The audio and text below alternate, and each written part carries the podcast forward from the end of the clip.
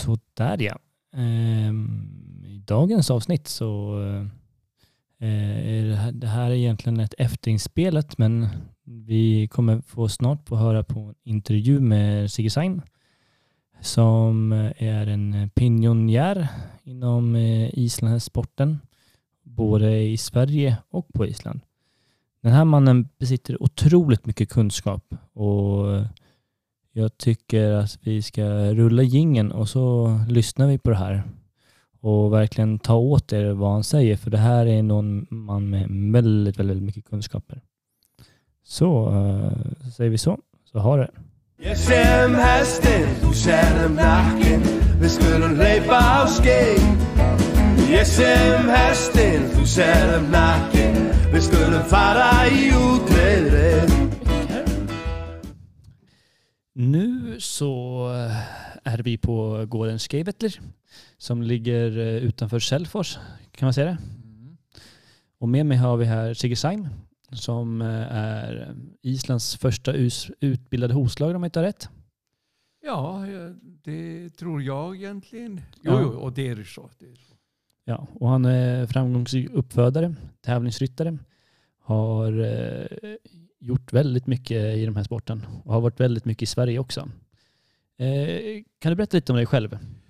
Ja, jag är född eh, i Hafnarfjärde, det är rätt utanför Reykjavik. Och, eh, och min far var kapten och hade ett fiskrederi. Fisk, ja. och, så hela min familj, egentligen båda bröder, kaptener och sånt där. Så jag är egentligen svarta fåret i, i flocken egentligen för att eh, jag blev eh, intresserad av djur väldigt ung. Började med får när jag var nio år gammal. Hade massor med kaniner och duvor och, och allt vad det hette egentligen. Nå, eh, och min eh, farmor och farfar de hade hästar. Och i början var, det nog, var jag inte så intresserad av, uh, av det utan uh, var, liksom, tyckte om att ha får och, och sånt där. Mm. Men ja, sen är jag uppväxt där i Hafnarfjärde och gick min skol, skola där. Och, men sen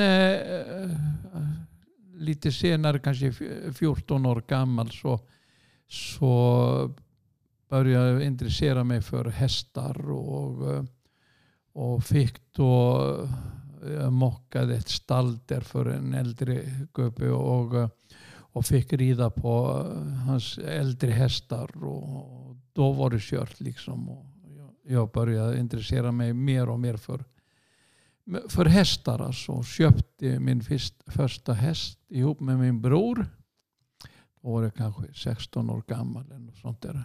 Och, eh, och eh, ja, det var såna, en historia bakom det. Han var då väldigt villig och, och skenade ofta. och, sånt där. Och, och en gång så var jag red på en eh, söndag nere i mitten av Hafnarfjördet. Då var det lite andra förhållanden där. Du kunde rida in i stan och och hästen skenade där på huvudgatan. Jag svängde in den och in i biografen där alltså. Och eh, där var det ju massor med folk som väntade på att komma in i bion. och eh, så för att liksom, eh, ja, låta det se skapligt ut så eh, ropade jag, har trävisningen börjat? och, nej, nej, nej, sa de, nej, nej, vi, vi står och väntar här. Ja, då rider jag en sväng till och red ut igen. Men i alla fall så, så bestämde jag mig för att gå eh, lantbruksskolan på Kvanneri. Och vilket jag gjorde. Och, och där eh, skulle vi ju rida in en ung häst eh, under vintern. Och, och då var Gunnar Bjarnason där, eh, lärare. Och, och han såna tände den gnistan i mig som, och, och många av oss unga student, lantbrukselever där alltså som, som egentligen då var det sådana eh, Five hade nyligen startat och, eh, och ja, det var sådana början av någon våg som höll på att bildades då eh, den moderna aveln och ridningen och tävlingarna och allt detta. Liksom. Och sen på vårkanten när, eh, när jag var utskriven och sånt där så, så hade eh, då Knut Nilsson och Bertil Göttenberg de hade börjat importera till Sverige massor med hästar, allt oinridna hästar. Och, eh, och de hade tänkt sig som så att eh, de unga svenska flickorna skulle skulle liksom rida in de här hästarna. Men, men det blev nog svårare än vad de hade trott. Liksom det var ju allt för vilda hästar till, till att tolvåriga eh, tjejer skulle kanske ta dem eh, direkt Såna. och det var, eh, det, jag, är inte för, jag är inte säker på att folk förstår liksom hur vilda dessa hästar var egentligen. Och som idag så är det bara helt andra tider, helt annan avel, helt annan hantering och sånt där. Men i alla fall så, Svo hattir hún skrifið til eh, Gunnar Bjarnarsson eh, og sagt liksom hör eh, skal man fórum herrhestana innrýðna og sånt där og, og då hatti Gunnar Bjarnarsson kontakt med, tog kontakt med oss tre stycken ryttare från landbruksskolan og, og skickade oss över till Sverige, det var 69 Och det var början till, ja, till min, mina Sverigeår och sånt där. Men om vi går tillbaka lite, tänker bara så här, har du något, egentligen något minne så som fick dig verkligen att fastna för att rida hästar? Ja, det var ju, det var ju glädjen av att komma ut i naturen. Och, och det var lite annorlunda då. Det var sådana man red mera ut i skog, eller inte skog här på Island, men ut i utmarken och ute liksom i, eh, överallt eh, red man bara. Man red till tävlingarna. Man, eh, om man skulle liksom som till Thinkvellir eller något sånt där så red man dit. Alltså det var inte det här med att, att man skulle med bil och sånt där. Och uh, min farmor, farmor, jag frågade henne en gång så, liksom varför de hade, uh, för att de var bönder uh, ute, i, ute vid Kvassarön, där på vägen till Keflavik, en gård som ligger där. Och jag frågade liksom henne varför de hade hästar där, alltså för att det var ju inte så lämpligt Eh, Eh, lämplig plats, massor med lava och sånt där. Men då sa hon liksom, ja, det var, vi hade intresse av att resa runt Island när vi var unga. Och, eh, då var det inte så mycket bilar och inte så mycket bilvägar. Och man, hade inte liksom, man kunde inte se landet och man kunde inte liksom träffa folk i andra, andra områden om man inte hade hästar. Och, det var liksom eh, det var därför som att eh, de började med hästar och det som fäste sig i mig att eh, ja det är klart man, man, eh, man och, man ser det som idag, det är mycket, det är många liksom som, som har hästar för att resa sommartid upp till fjälls och sånt där. Och, och det är, deras intresse ligger precis i det att, att rida runt Island och, och ta, eh, de tar sig kanske två, tre, fyra veckor i, i en sån tur. Du vet, och eh, spenderar hela deras sommarlov eh, bara upp till fjälls och med familjen. Och, och, och genom hästar. Alltså. Det är inte alla som vill till Kanari och, och Tenerife. Och, men men de andra de liksom blir lite kära ofta i hästar. Mm. Men så du kan man säga att du är uppvuxen när hästar är egentligen en transportmedel kan man säga? Ja, på den tiden var eh, det var så, eh, det var så andra tider. På, eh, liksom att man, det här stora tävlingsintresset och det hade inte börjat så starkt på Island. Vi kan också se det liksom om du ser gamla filmer med, med, från tävlingar på den tiden, alltså 1950 och någonting och 60 och, så ser du att det är, det är helt annat. Alltså hästen är annorlunda. Han är, han är Ja, det är alltså en märkvärd förändring på den. Han var mindre och han var, men han var, hästen var stark och, och, och så det är såna min, min bakgrund där. Alltså jag kommer inte ur den här eh, eh tävlings, eh, egentligen tävlingsintresset. Jag fick liksom cykla i eh, halvtimme eh, ut i stallarna till att få mocka eh, gubbens stall innan jag fick rida liksom på en, en gammal märter. Alltså det, var, eh, det var inte så att man köpte till mig eller såna, någon tävlingshäst. Familjen var inte alls intresserad av hästar och hade ingen liksom, uh, inget nöje av det. Nej. Men eh, har du liksom fortfarande den ambitionen att eh, att först och främst att hästen ska vara en ridhäst för en tävlingshäst? Nej, nej, nej, nej, nej inte alls. Inte alls. Idag liksom ser jag lite annorlunda på det. Men eh, i bakhuvudet har jag alltid den tanken att eh, vi borde inte förändra hästen så pass mycket att han blir odugbar till, till, eh, till, liksom fri, eh, till ridning i skog och mark och, och, och terräng och sånt där. Alltså det, dit får vi aldrig komma liksom att, att, att hästen blir så, så egentligen... Svårriden? Ja, så... Det, det, det, har skett stora förändringar inom aveln och, och, många av dem har varit mycket bra och sånt där.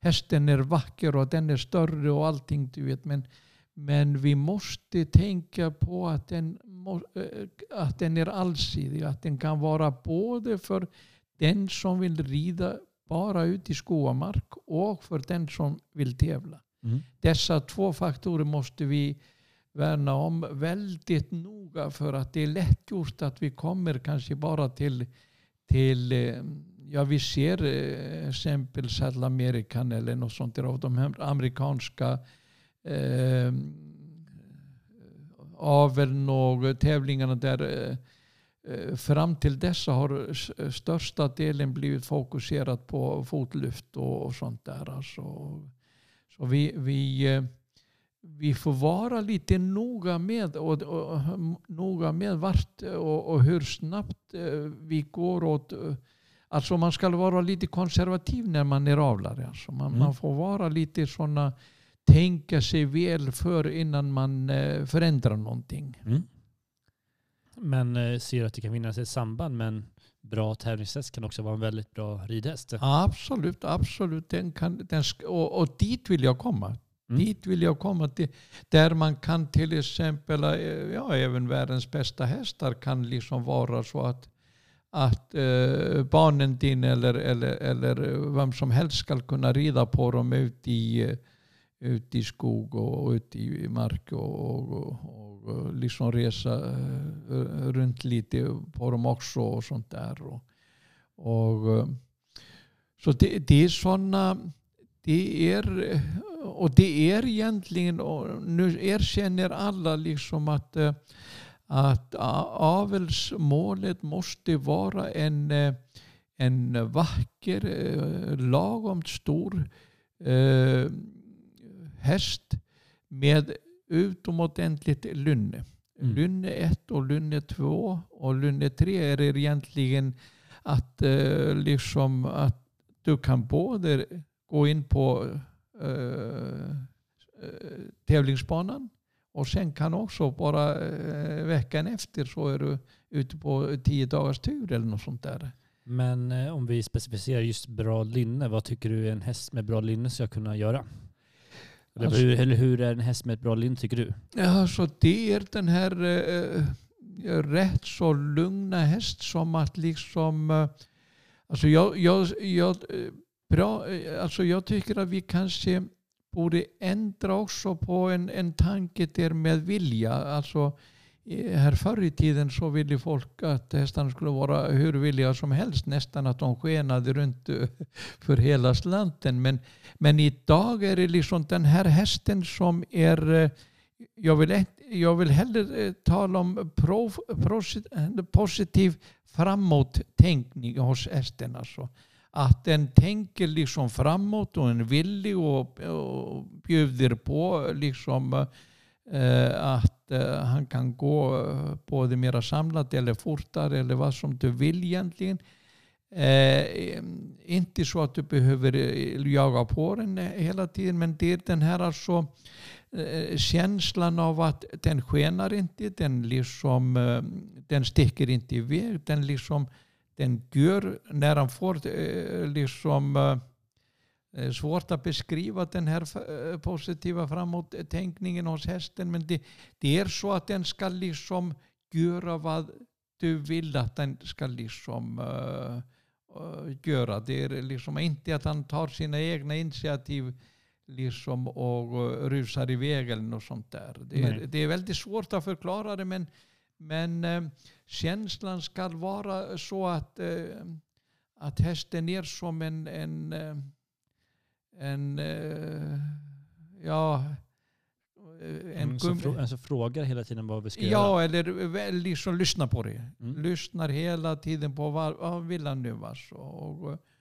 och, och jag ser att många av de här bästa tävlingshästarna, det är akkurat de här hästarna. Mm. Det är alltså inte den här spända eh, och hästen som eh, tål eh, stort sett inte annat än professionell ryttare och sånt där. Det är, det är, jag ser att det är märkvärd, märkvärd förändring i, i häst, dagens hästar. Så. Mm. Och de som når liksom de bästa resultaten det är precis den här typen av hästar. Mm. Och ja, sen är det liksom, eh, sen är det bara om du tränar hästen liksom som eh, den här topphästen som är med den här, det här eh, topplynnet den kan både vara familjehäst eller barnhäst eller eh, världsmästare. Alltså. Mm. Det, det, är den typen av som vi alla söker efter nu i, i samband med lynnet till eh, i aveln. Alltså. Och och vi har kommit ganska långt tycker jag egentligen. Om jag tänker tillbaks bara 30, 40, 50 år kanske. Så ser jag en, en, en, en oerhörd förändring liksom i, i, i hur hästarna är. Och, och, och samtidigt liksom har, jag, har jag nu under de senare åren liksom rest lite mycket, eh, ganska mycket säger jag, till eh, till de olika länderna liksom se en annan kultur. Och uh, fem, sex år har vi varit nere i Andalusien i Spanien och sett på deras hästar. Alltså bara såna, och uh, kommer ihåg för två år sedan, eller före covid, så, så var vi eh, på klinik hos en väldigt känd eh, ryttare i, Spanien. Han har varit eh, huvudlärare på Spanska ridskolan i Eres, Kungliga Spanska ridskolan. Och hans, när vi kommer där så, så säger han sånt där, tar fram en häst och jättestor häst och säger sån ja, sån där häst som jag håller i här, den fanns inte när jag var ung. Nej. Uh, Okej, okay. och uh, hur var den hästen? Mycket mindre sa han. Det skiljer alltså 10-12 centimeter. Åh jäklar du. Och, eh, och den här ryttaren Rafael Soto han är, har varit eh, silvermedaljör i dressyr på olympi, olympiska spelen. Och, och, och, så det är såna, han har varit med väldigt länge och, och sånt där. Och, och jag började tänka, jaha, är det, jag har han eh, förändrats så mycket de sista 30-40 åren. Och då började jag tänka liksom, hur är det med våra hästar, islandshästen? När jag tänker tillbaka där, då är vi bara på samma väg. Vi, eh, häst, islandshästen håller på att bli större och större. Alltså, Och, och det är ju bara bra det är så länge, så länge alltså. Men eh, frågan är liksom vart ligger liksom målet där? Alltså, vart ligger linjen? När är häst tämligen stor och, och, och, eller när blir den egentligen för klumpig och stor? Alltså det, mm. det har vi kvar att se. Det, det är mycket spännande tider fram, eh, liksom i framtiden att se liksom vart, vart de spär i väg med, med aveln. Men, men en annan sak också som är eh, inte mindre viktigt är att jag tycker att vi har, eh, vi har nått liksom eh, mera kvalitet ofta i, i gångarterna. Så alltså. jag, jag ser en, ser en, en, liksom en stor förändring där. Det är mera liksom om att hästar är eh, liksom, och aven går ut på det att hästar ska vara liksom rena i gångarterna.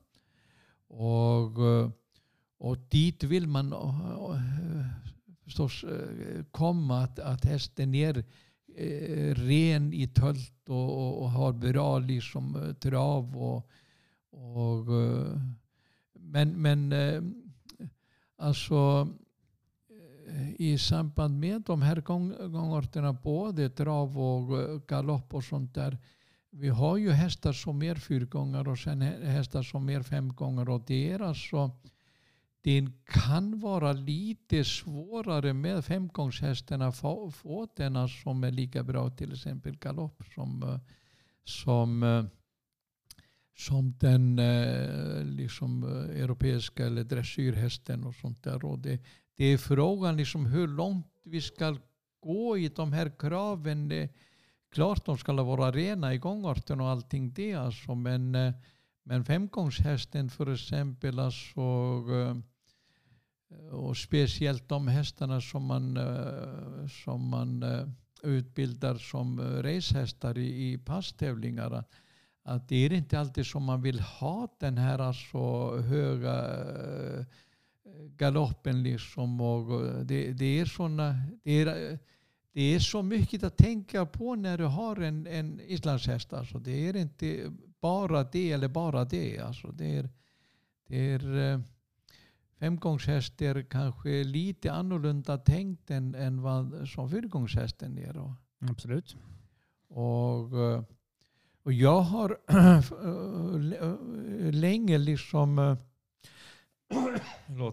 Eh, länge varit eh, inne på den linjen om jag har en jättebra liksom eh, jättebra fyrgångssto så så är det inte så att jag vill eh, absolut ta det stået till en, en femgångshingst. Alltså, utan fortsätta avla det, framförbättra det som är bra på det här stået. Alltså.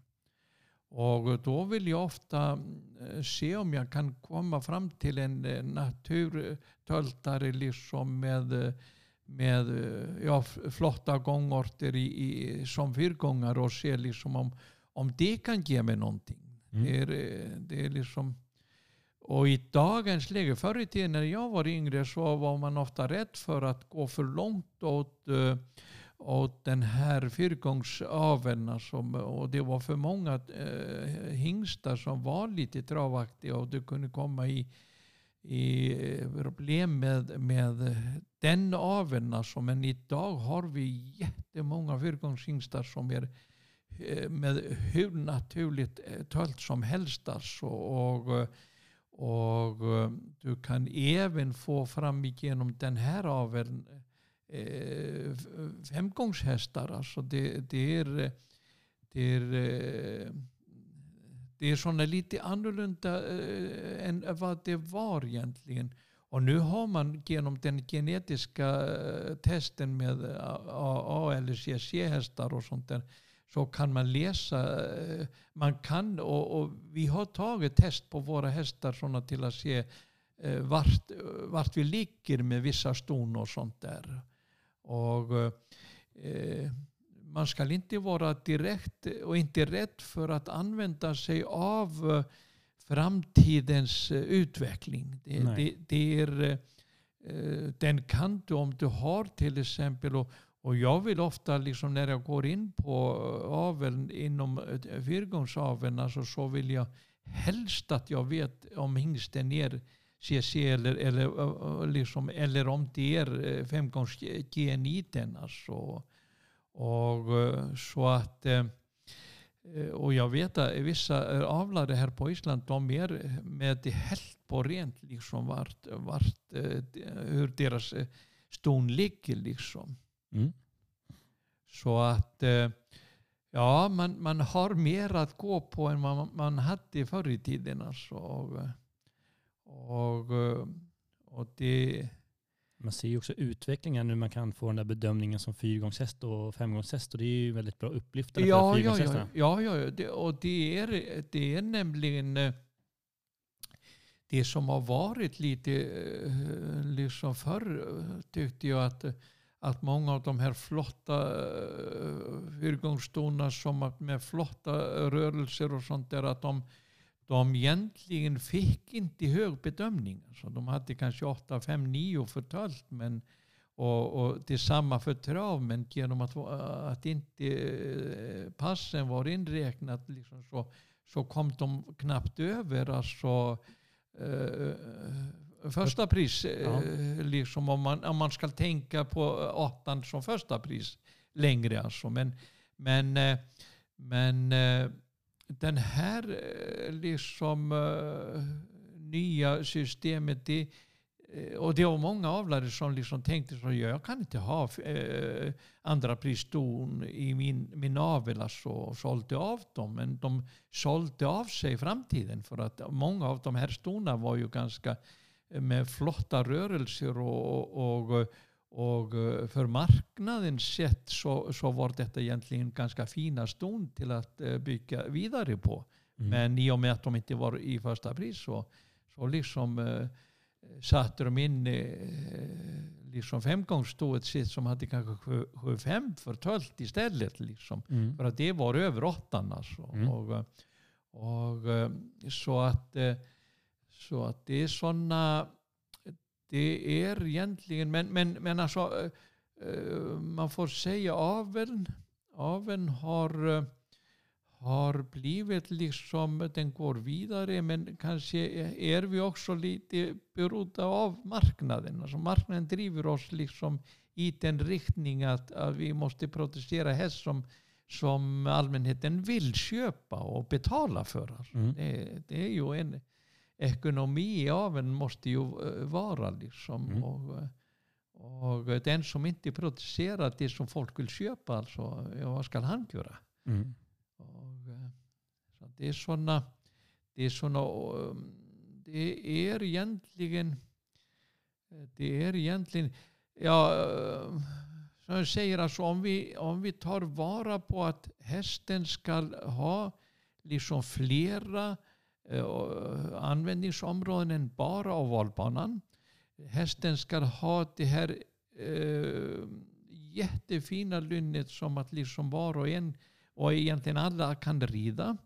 Och, eh, på liksom, och, och, och storleken och vackerheten ska liksom, kan förbättras fortfarande. Jag, bara i och med att jag är hovslagare och sånt där så, så så har jag sett genom aveln här på Island så får man säga att hovar har varit intagna i avelsräkningen eh, eh, väldigt länge. Så jag var bara eh, egentligen nyligen, eh, när jag hade just kommit till Island från Sverige så, så såg jag att eh, det var något fel med eh, många hingstar hade ju sänkta sulor och, och, det ena och det andra. Men sen började de ta ganska hårt på det och eh, i, i bedömningen inom aveln.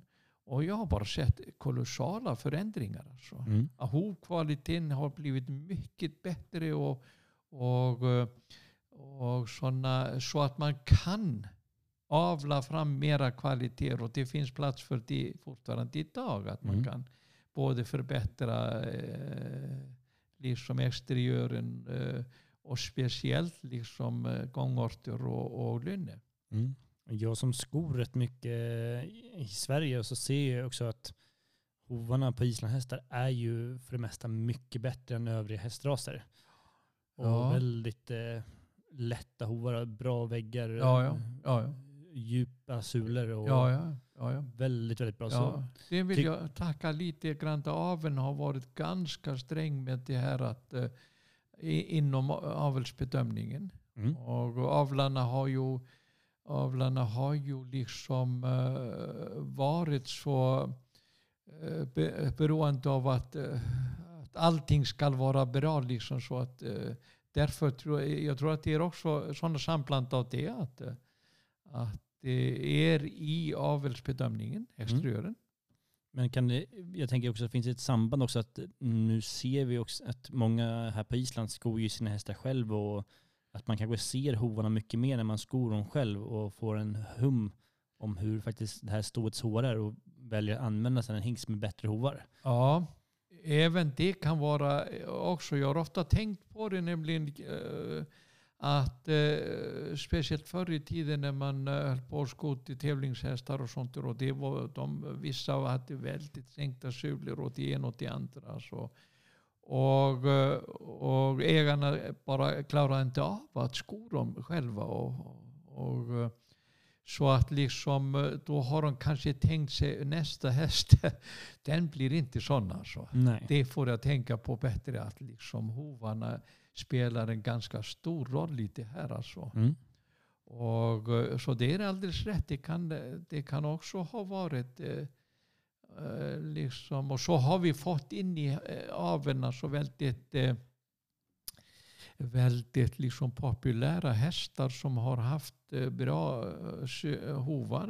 eh, Orri från Hov och flera Ja, hästar. jag tänkte att vi skulle prata om lite, lite senare. Ja, ja. Och, så att det är sådana vissa hästar som tur är som är topphästar. De har också haft vissa kvaliteter som till exempel hovar och annat. alltså. Mm. Och, och, och det har, ja, jag, jag är överens med dig med att eh, man ser mindre av de här, de här alltså, eh, väldigt besvärliga hovarna i, i samband med tävlingshästar idag. Mm. Det, det är, det är, men sen på, på andra sidan så har vi kunskaper idag inom hopeslaget till att liksom eh, hjälpa dessa hästar också. Men det, det är alltså krävs kunskaper och, och, och de hästarna är, de, är, de andra är lättare att ha med att göra. Alltså. Mm. Mycket. Mycket. Men eh, du känner han Orre antar jag? Ja, ja. Hur, hur, hur är han bara i den här, liksom, jag tänker bara stallmiljön och borsta och eh, kratsa hovar och sådär? Ja, det är alltså, som vi börjar på det, som fast så, så var det så att eh, jag var i, eh, alltså det var på den tiden väldigt populärt att man bildade avelsförening om någon häst. Alltså. Då var det kanske 10, 20, 30 avlare som att ägde en hingst alltså. Mm. Och, eh, och betäckte sina ston med, med den hästen.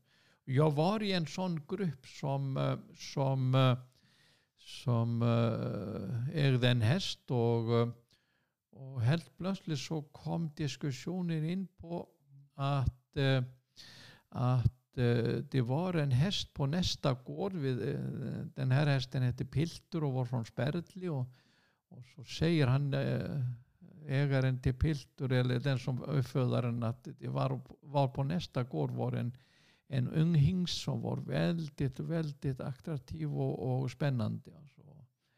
Och, och det liksom eh, började vi såna eh, och jag speciellt blev lite intresserad av det här. Och, och den hingsten var på i Gunnarsholt som var då hingststation, liksom statens eh, statlig hingststation. Och, och åkte upp dit för att eh, titta på den där hä- hästen och uh, unghästen och uh, lät den liksom, eller sådana ser den ut i hagen och sånt där. Och, och visserligen tyckte jag hästen var lite svona kort och lite tjock och sånt där men den hade väldigt naturlig flott resning alltså.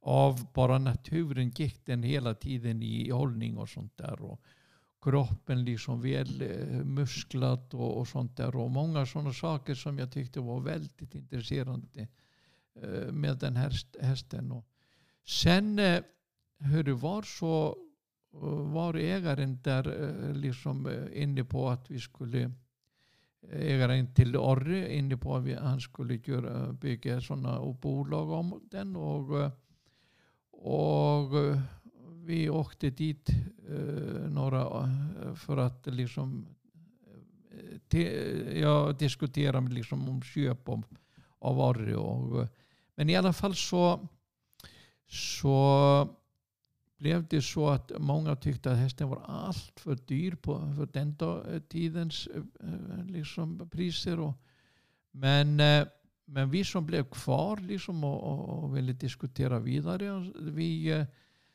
vi blev eniga om viss, visst pris på hästen och vi fick betala det på fyra år utan ränta. Så att det var sådana vi, vi köpt, eller jag och min familj vi köpte tio andelar den. Alltså blev därmed eh, de största som att eh, ägde i hästen. Mm.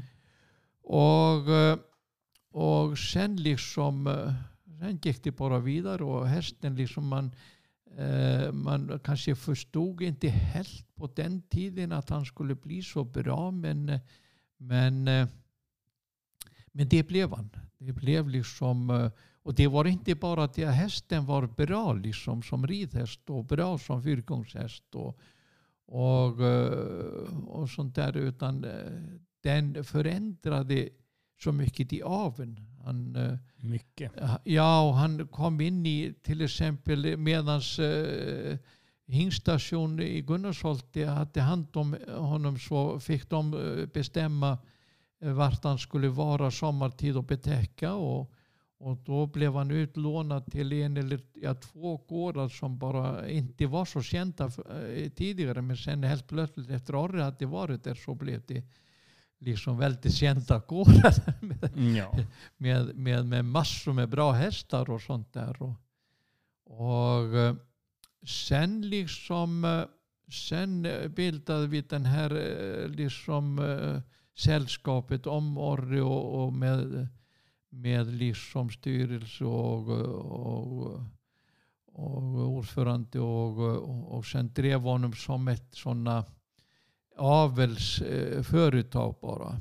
Och, och det gjorde liksom bra för Orre också för att för exempel vanliga hingstar de reser runt landet hela tiden. De är ett år på västra och annat kanske på norra. Och, det är olika hagar, det är olika liksom miljöer, det är olika liksom stora eller små eh, liksom håller som att de är i och sånt där. Men Orre hade alltid sina hemmahagar. Mm. Det var bara bestämt i början i och med att vi ägde hästen att han åker inget runt. De som får komma till honom, de får komma hem till honom mm. med sina ston.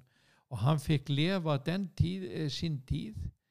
Eh, och det var bestämt hur många liksom eh, fick vara hos honom eh, strax i början. Så att det blev aldrig ett överflöd av, av, av liksom ston och sånt där. Eh, han var nöjd? Ja, han, han fick leva sitt liv. Det, den enda gången som man betäckte inte hemma på hemmaplan det var på yngsta, eller seminstation uppe i Gunnarsholti. Mm. Och då, då var han också vid bra förhållanden. Så behövde inte eh, liksom eh, jaga ston i nya hagar överallt. Alltså.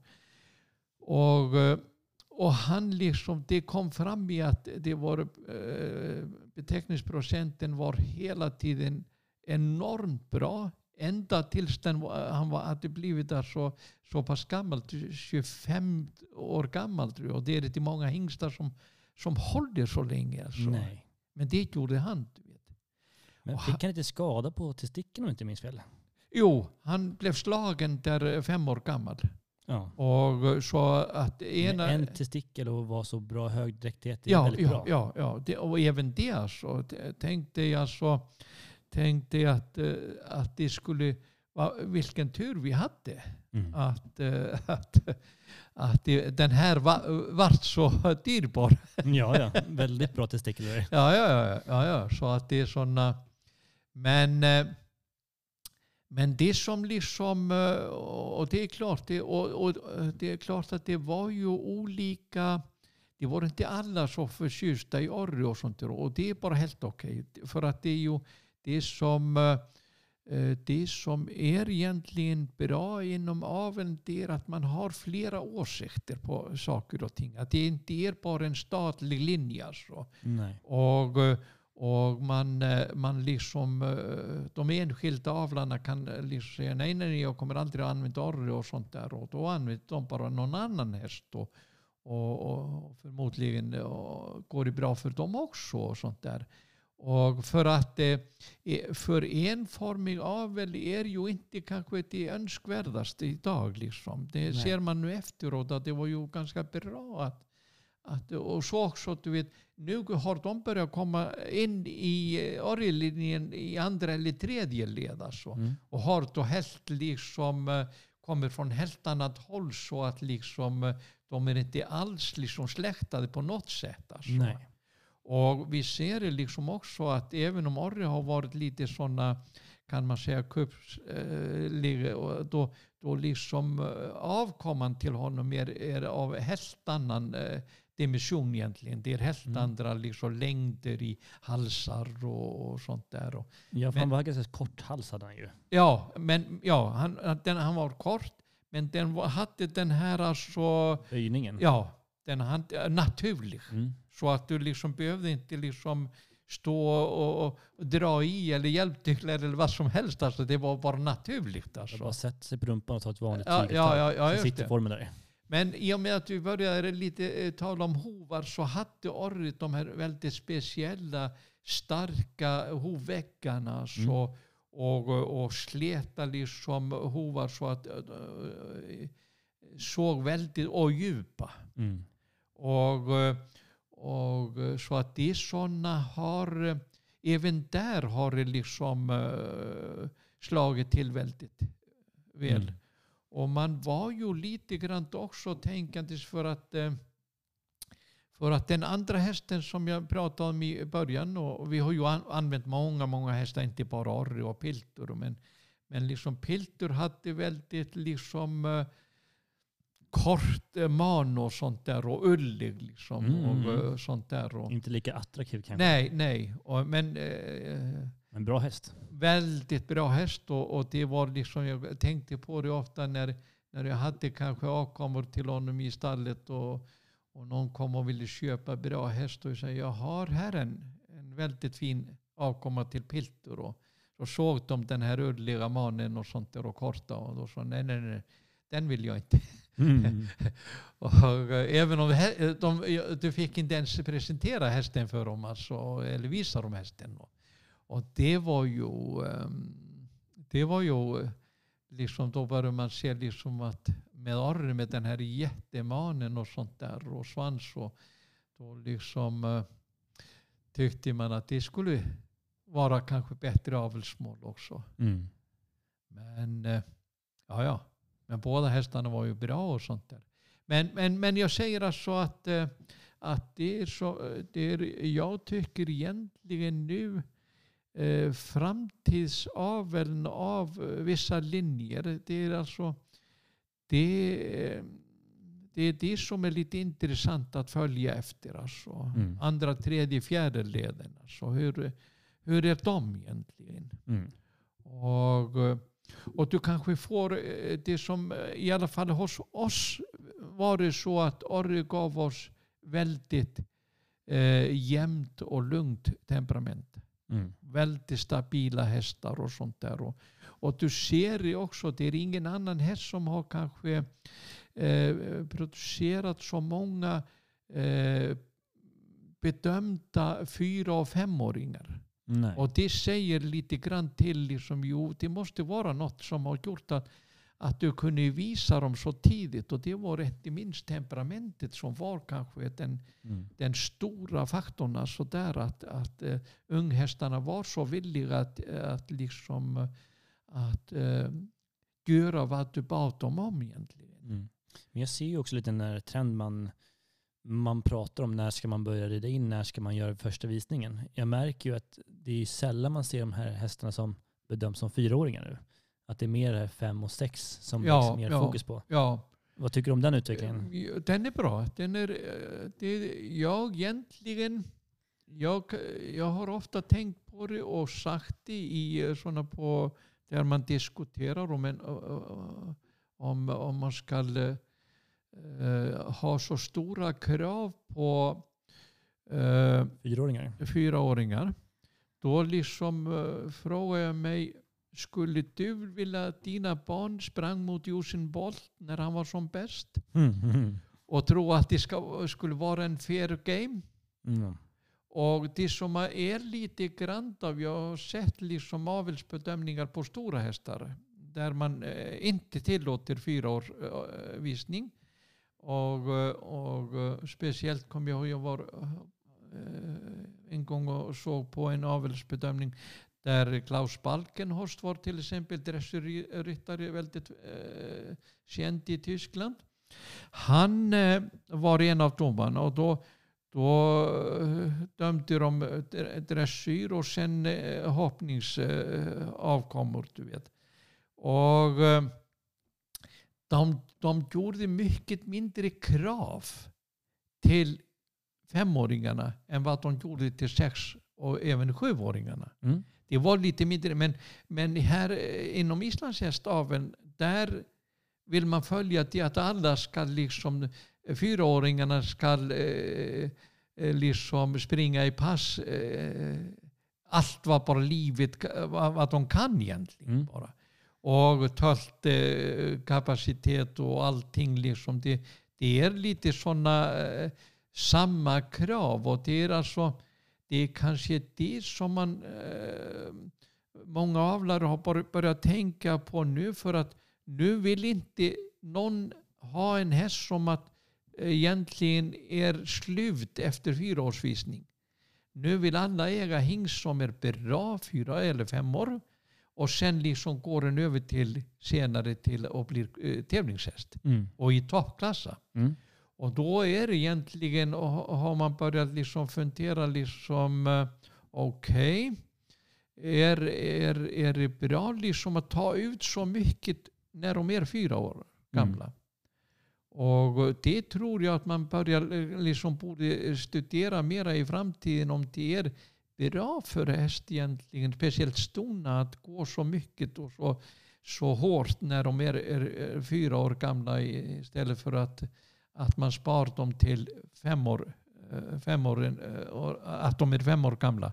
Men eh, det är så mycket annat som har förändrats. Nu till exempel är det inte så att fyraåriga hästarna blir intagna eh, när de är eh, liksom efter årsskiftet när de är fyra år gamla och sen rids de över en vinter och visas och tävlar. eller går på landsmål eller vad som helst eh, samma år.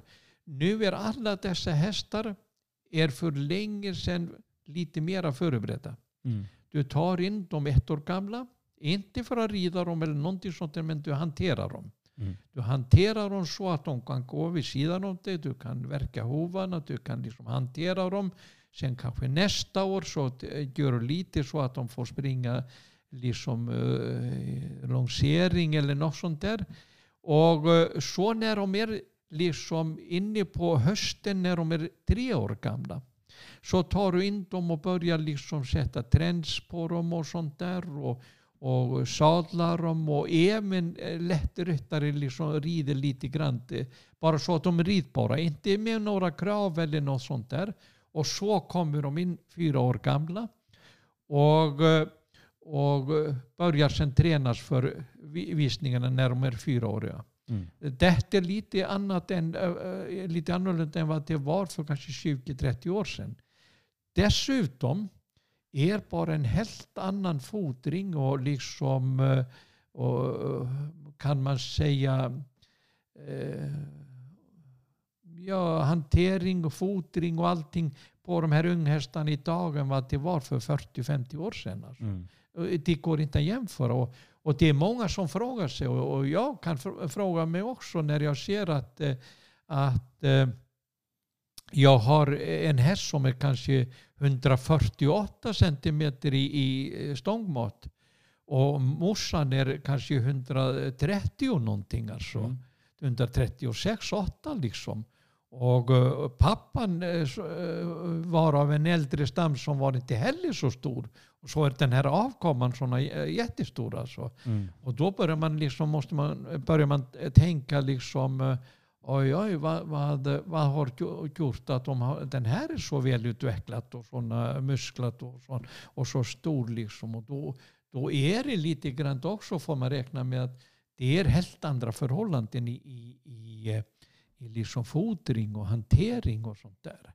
Mm. Och, och det har, det har, jag tror att vi har inte kommit till slutändan liksom vart vi kommer att komma i framtiden med storlek och hantering av, av islandshästen. Jag tror att vi är sådana, som jag sa, eh, som är med den andalusiska tränaren eh, Rafael Soto, att då, då liksom eh, då ser jag liksom att kanske är vi, kanske är vi i, i den utvecklingen att vi sådana ändamålet är inte synligt ännu. Nej.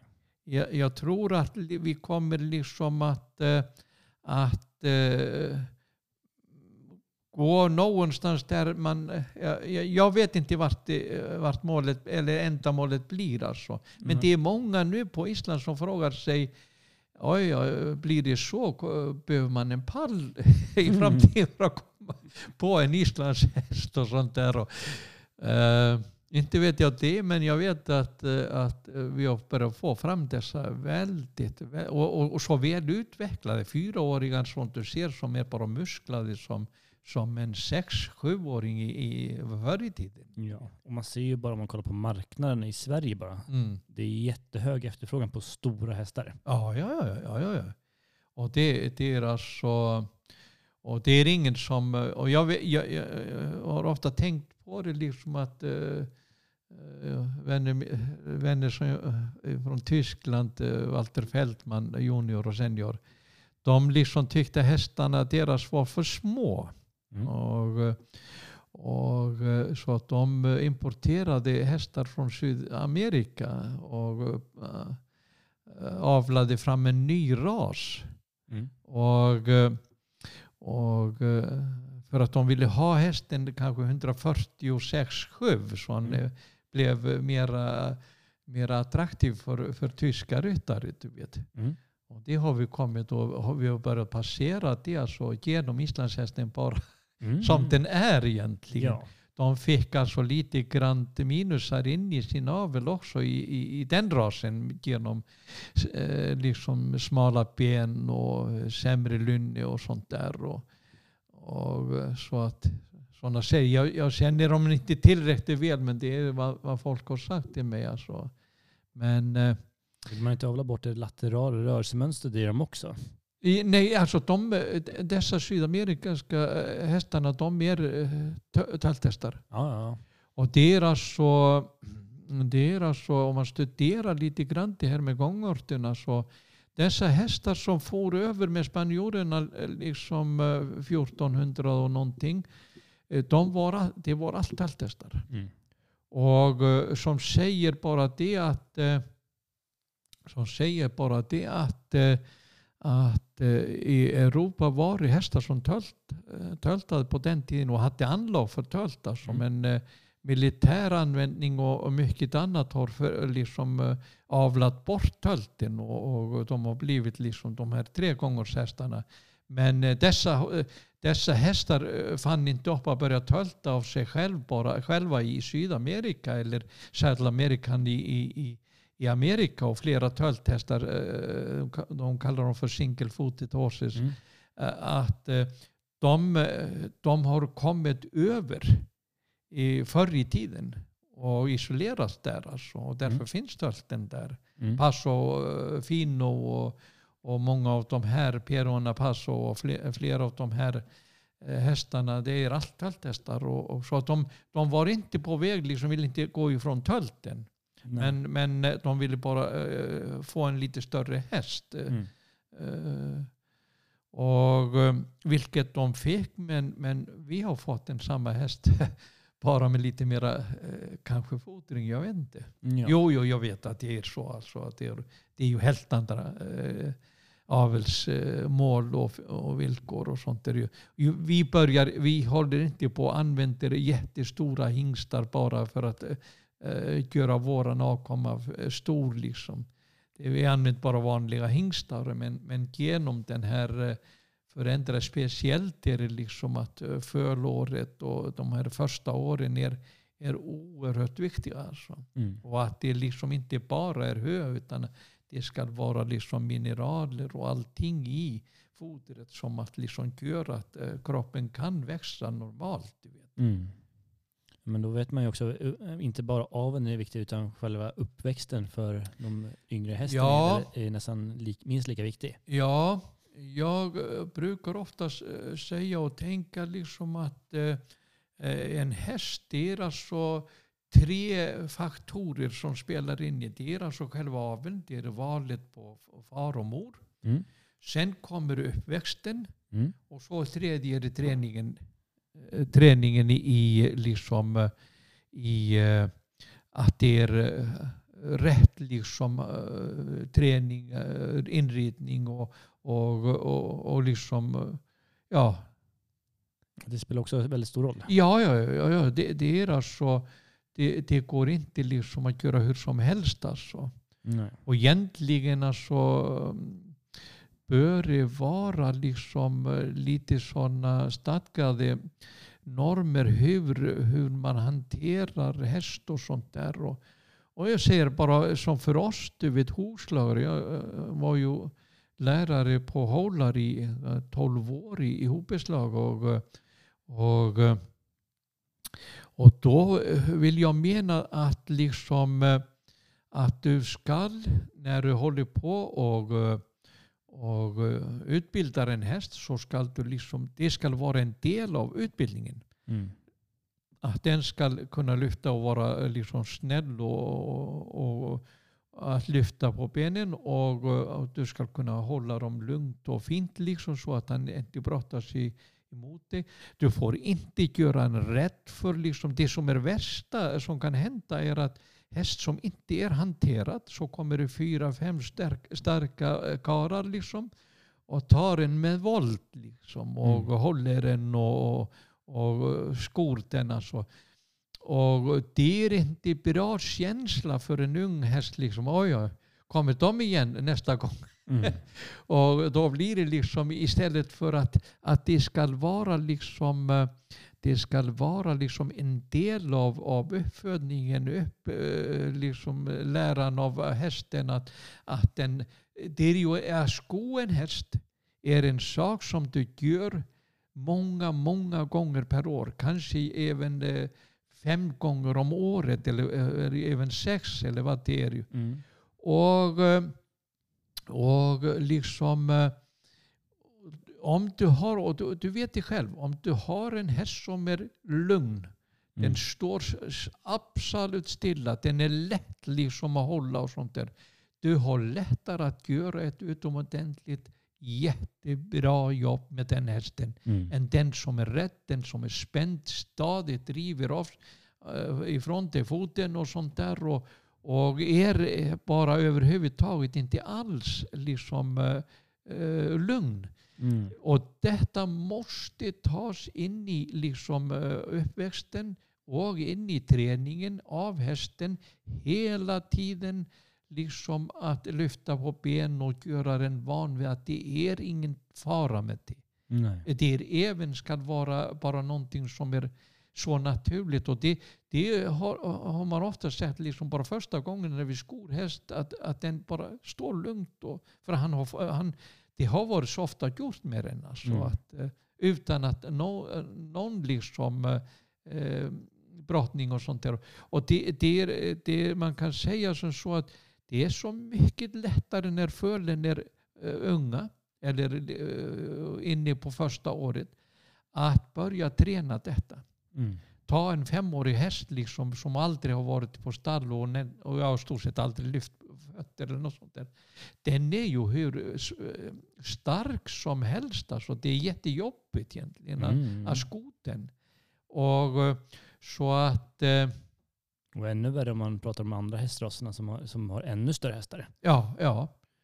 Jag kommer ihåg jag en gång nere på veterinärhögskolan så fick vi en sån en nordsvensk var använt i skogen och sånt där. Men hon var så besvärlig att de kom in med den för att, eh, för att vi skulle ta den i spiltan. Och hade sådana hovslagsspiltar som att du kunde ta en, i stort sett vilken häst som helst och sko den. Mm. Men i alla fall jag prövade liksom sko den.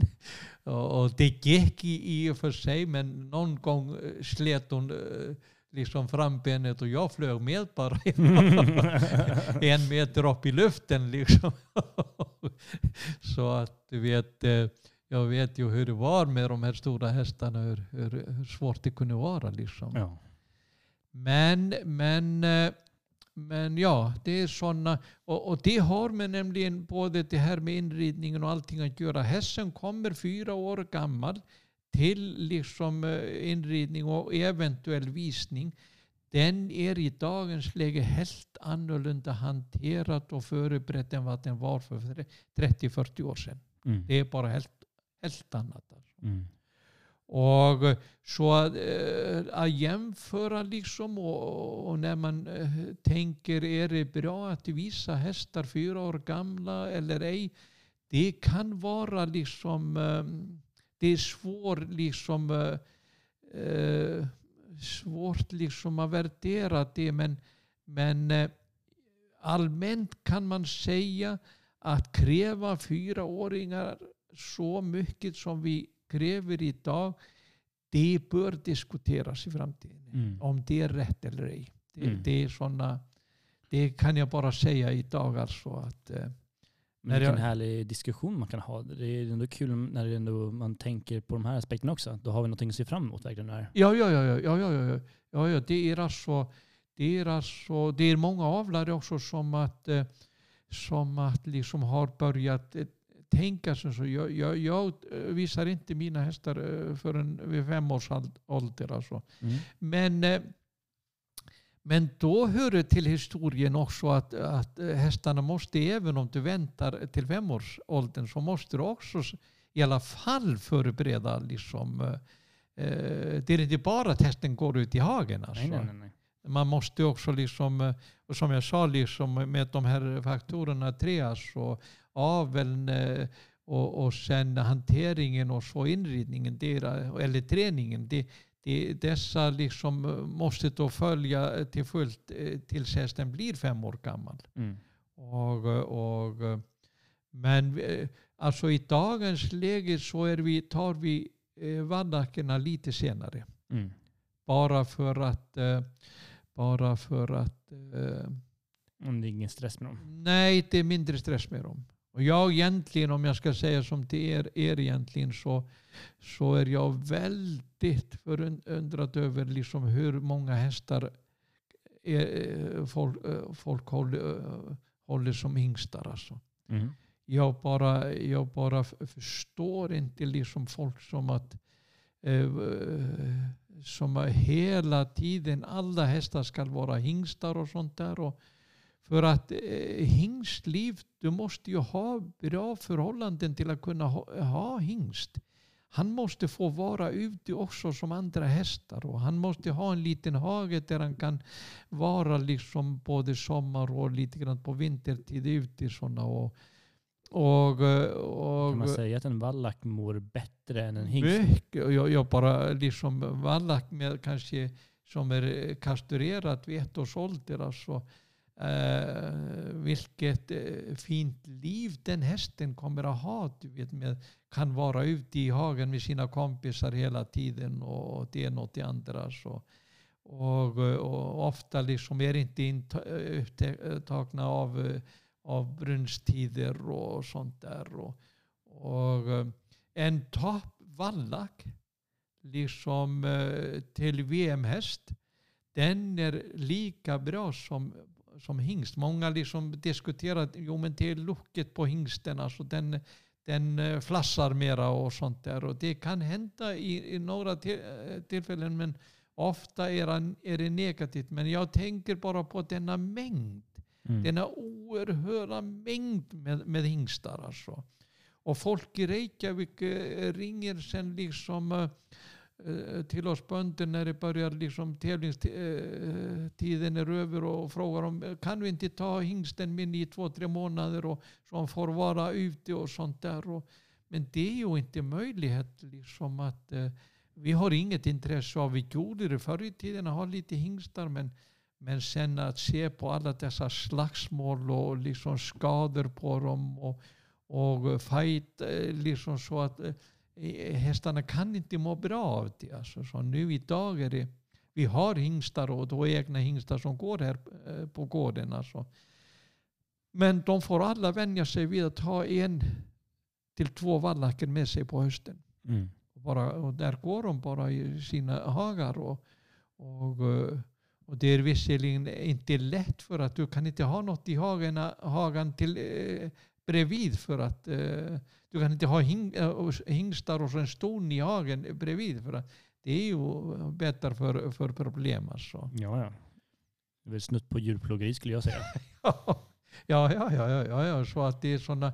Men jag säger bara att eh, säger bara, jag tycker liksom att det är så, det är så, eh, det är så få som att blir använda. Vad, vad har med hingst att göra som får ett stå om året? Mm. Inte det ekonomi. Nej, nej. Det är massor med jobb och massor med kostnader. Mm. Men det är inget, ingen, ingen inkomst. Nej, nej, nej.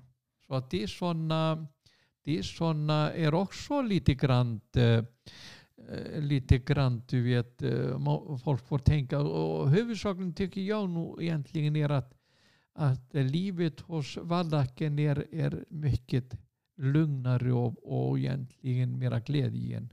Mm. En specie, eh, speciellt om du inte har eh, möjligheter, tillgångar till allt eh, detta land som hingsten kräver. Mm. Men men, det är bara som, bara som jag tycker. Ja, nej, men det är väldigt vettiga tankar. Jag håller nog faktiskt med i det läget också. Mm. Men jag tänkte börja, vi kan glida in lite på, du har ju varit en hel del i Sverige. Ja, Du pratar väldigt bra svenska. ja, tack. tack. Ja, ja, det är, man är lite såna rostig när man bara... För att nu för tiden alltså så pratar vi... eh, Förr i tiden så var jag och Lisbeth, eh, frun min, som är, är, är, är svensk. Eh, Vi pratade ju svenska hemma och hade ju massor med ungdomar som, att, som var hos oss både vinter och sommar. Och, och eh, flesta från Sverige. Och då var det ju klart att vi pratade bara svenska vid, vid, eh, här hem, hemma. Men, men nu är det så när man, man liksom, oj oj oj, pratar. Man måste nästan sätta sig, sätta sig lite igång du vet, och Mm. träna. Jag hade tränat lite bättre om jag hade vetat att du... det, det är ingen fara. Men eh, varför åkte du till Sverige? Du berättade ju för nu Ja. när du var i Sverige första gången, men vad fick dig egentligen att ha, vara kvar i Sverige? Mer än utbildning till hovslagare? Ja, det var liksom eh, som jag sa med han Gunnar Bjarnason. Han fick det här från eh, fråga, förfrågan från eh, Knut Nilsson och Bertil Gutenberg att, eh, att om man kunde skicka över några som var vana att rida eh, in hästar. Och vi var tre stycken från Lantbruksskolan som att åkte över och, eh, och eh, sen liksom då började jag i, ja, inte i Stockholmsområdet utanför, utanför för Bollstanäs. Mm. Det är där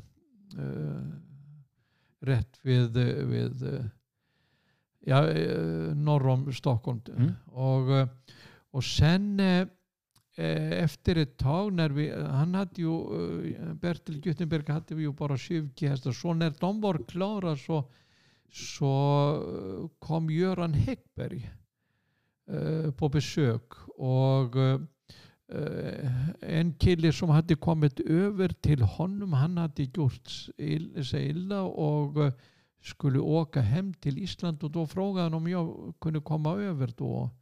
Vilket blev sen överenskommelse. Och, och, Och då åkte jag upp till Östhammar och började träna där. Och sen såna, ett tag efter att jag hade kommit så frågade Göran om vi inte skulle sko de här hästarna som var så långt komna behövdes liksom jag red ut eh, en hel del då, på och sånt där. Och jag, jag tyckte jag det var jättebra liksom.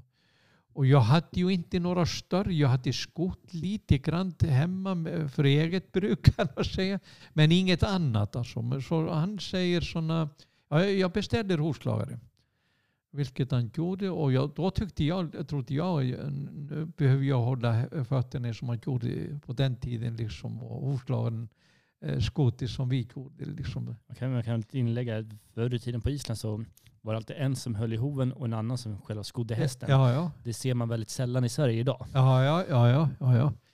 Men i alla fall så kommer den här eh, killen eh, och, eh, och det tyckte jag liksom, oj, han skodde liksom ensam och det gick så bra för honom. Och det var ganska snygga skoningar liksom och, och, och allting liksom och gick, som, gick så smidigt förstår du. Liksom. Och, så jag tänkte, du vet, herregud, det här måste jag lära mig.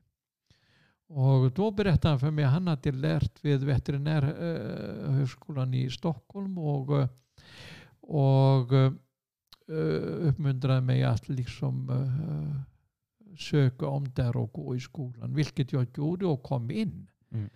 Och var inte kanske självgivet att man skulle göra det i och med att jag var eh, inte svensk och sånt där.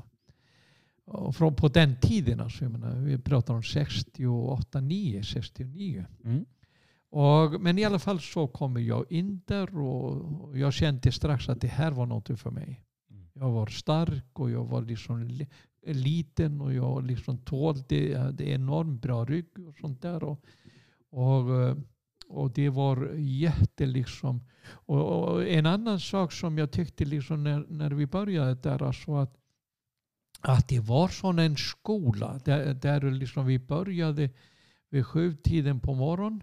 Och, och då var det teoretiska timmar eh, liksom före lunch och sen, sen, liksom, eh, sen liksom eh, var det praktiska eh, liksom smide och annat efter. Eller efter tolv alltså. Och, men i alla fall så, så, så ja, blev det nog så att jag, ja, jag fann mig väldigt väl in där och, och, och efter liksom skolan så frågade eller när vi, ja, efter skolan så frågade professorn Norberg om jag kunde liksom tänka mig att eh, jobba där på skolan. För att eh, de äldre var ju på väg ut och han ville få nytt blod i, i liksom lärarteamet. Då. Och, eh, vilket jag gjorde och, och började jobba där. Då träffade jag min fru. Hon var på kassan i, i veterinärhögskolan. Och, och, men det var alltid bakom, låg alltid bakom hos mig att Eh, mitt, eh, sto, eh, liksom min stora kärlek var ju också att träna. Rida hästar, träna hästar och, och allt det där runt hästar. Inte bara skor liksom. Mm. Och så att det är 71 som att är vid årsskiftet som vi flyttar till, eh, till Island i, eh, hem och Lisbeth med mig. Och eh, det var ganska bra egentligen på, på sitt sätt. Men också var det ganska... Det var, jag hade jättebra tider där vid skolan för att vi fick in så många intressanta fall i skoning och, och hästar som var ju eh, sjuka och sånt där och, all slags eh, liksom hovfel eh, och, och sånt där. Och, och så det var det var professor Norberg hade liksom börjat fråga om jag ville följa med ner till Skara för att skolan skulle flytta dit sen ner. Men, jag tyckte liksom att oj, ett nytt ställe nu och, och, och inga islandshästar där egentligen. Jag visste inte vad egentligen man skulle göra så jag tackade nej till det men, men det hade blivit intressant också, jätteintressant. Du vet. Men, men sen tyckte jag liksom också att när jag var där på skolan och var mycket ute och skott liksom eh, i Stockholmsområdet eh, både liksom dressyr och, och, och hopphästar och sånt där. Och, och eh, jag tyckte liksom att eh, ja, nu är det väl så att jag bara slutat helt och hållet med islandshästar. Jag, jag bara jag, eh, om det här blir livet mitt så kommer jag inte... För det var inte, var inte som nu att det fanns islandshästar överallt. Alltså. Då var det liksom, islandshästarna var väldigt spridda runt landet. Alltså. Så att jag tänkte som så, okej okay, det blir då den förändringen att eh, jag kommer helt och hållet att gå över till stora hästar. Och om jag var beredd på det eller ej alltså, så, så bestämde jag för att, att åka till Island. Ja. Och eh, där, liksom i fråga om hobeslag och annat, kom jag 50 år bak i tiden. Ja, precis. Vi kan ta det lite senare med mm. just med hobeslag och sådana saker. Men, men eh, du, du har gjort en hel del i, på, i Sverige med eh, träning av hästar och, ja, ja, ja, ja. och har hjälpt till att förbättra väldigt mycket.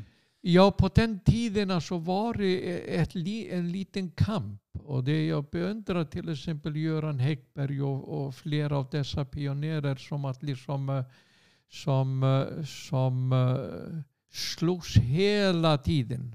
Hela tiden för fram, islandshästens framgång och, och islandshästens tillvaro egentligen bara. För att det var ju, det var ju tölt var ju en, eh, en liksom eh, en gångart som att var intränat och konstgjord och jag vet inte vad och vad. Även om du kunde liksom eh, ville få, få dessa, dessa eh, människor till att komma med dig ut i hagen och se på fölen. Och de töltade i, i, i hagen och sånt där och frågade om tror att det här fölet är också töl, äh, äh, tränat till att gå i tölt och sånt där. Det var inte den tanken att det kunde vara naturligt. Alltså. Mm de höll på hela tiden på att dressyren var något som naturliga rörelser och sånt där och gott och väl med det och det erkänner jag helt och hållet. Men, men islandshästen hade den här gångarten i sig. Alltså. Den är, den är eh, liksom är i, i liksom generna på den. Du vet. Mm. Och, eh, så att det var sådana, det var såna, ja. Och sen klart efter att jag eh, efter att vi flyttade till, till Island så var ju väldigt liksom bra kontakt. Det var ju, och vi har kontakt med folk fortfarande. Liksom. Det är ofta som det är flera, flera liksom, samtal per vecka. Vi talar inte om månad kanske. Det är flera samtal per vecka som vi hör ifrån folk, våra vänner i, i Sverige och sånt där. Och, så att det är sådana det är sådana, kan man säga, kontakten med Sverige liksom eh, är, är väldigt djup och stark. Alltså. Mm. Och, och, och klart, jo, man har varit med den här enorma utvecklingen i Sverige. Mm. Och, och, utvecklingen i Sverige är inte minst också att det finns så många som är liksom eh, är eh, kära i den hästen på grund av dens allsidighet. De kan, eh, de kan eh, använda den som ja, ridhäst, de kan rida liksom tävling med den. Och, och de kan göra så många saker som liksom, och jag tror liksom eh, att det är en, en perfekt häst för många av de här europeiska länderna Eh, på grund av att, eh, att eh, du kan lugnt rida ut i skog och mark. Mm. Och kanske mer än vad du gör med många andra hästar. Alltså. Hästen är lugn. Den är lagom stor för många, många eh, liksom som är rädda för de här dagens jättestora hästar. Alltså. Mm. Och, eh, och eh, det är så många faktorer som liksom spelar in där som gör att hästen är eh, bra för allmänheten. Den är så jätte liksom eh, perfekt för folk som vill liksom, eh, när de blir äldre ha en häst till att liksom, eller ha någonting att göra, syssla med, rida ut och komma ut i naturen. Där är hästen perfekt. Ja.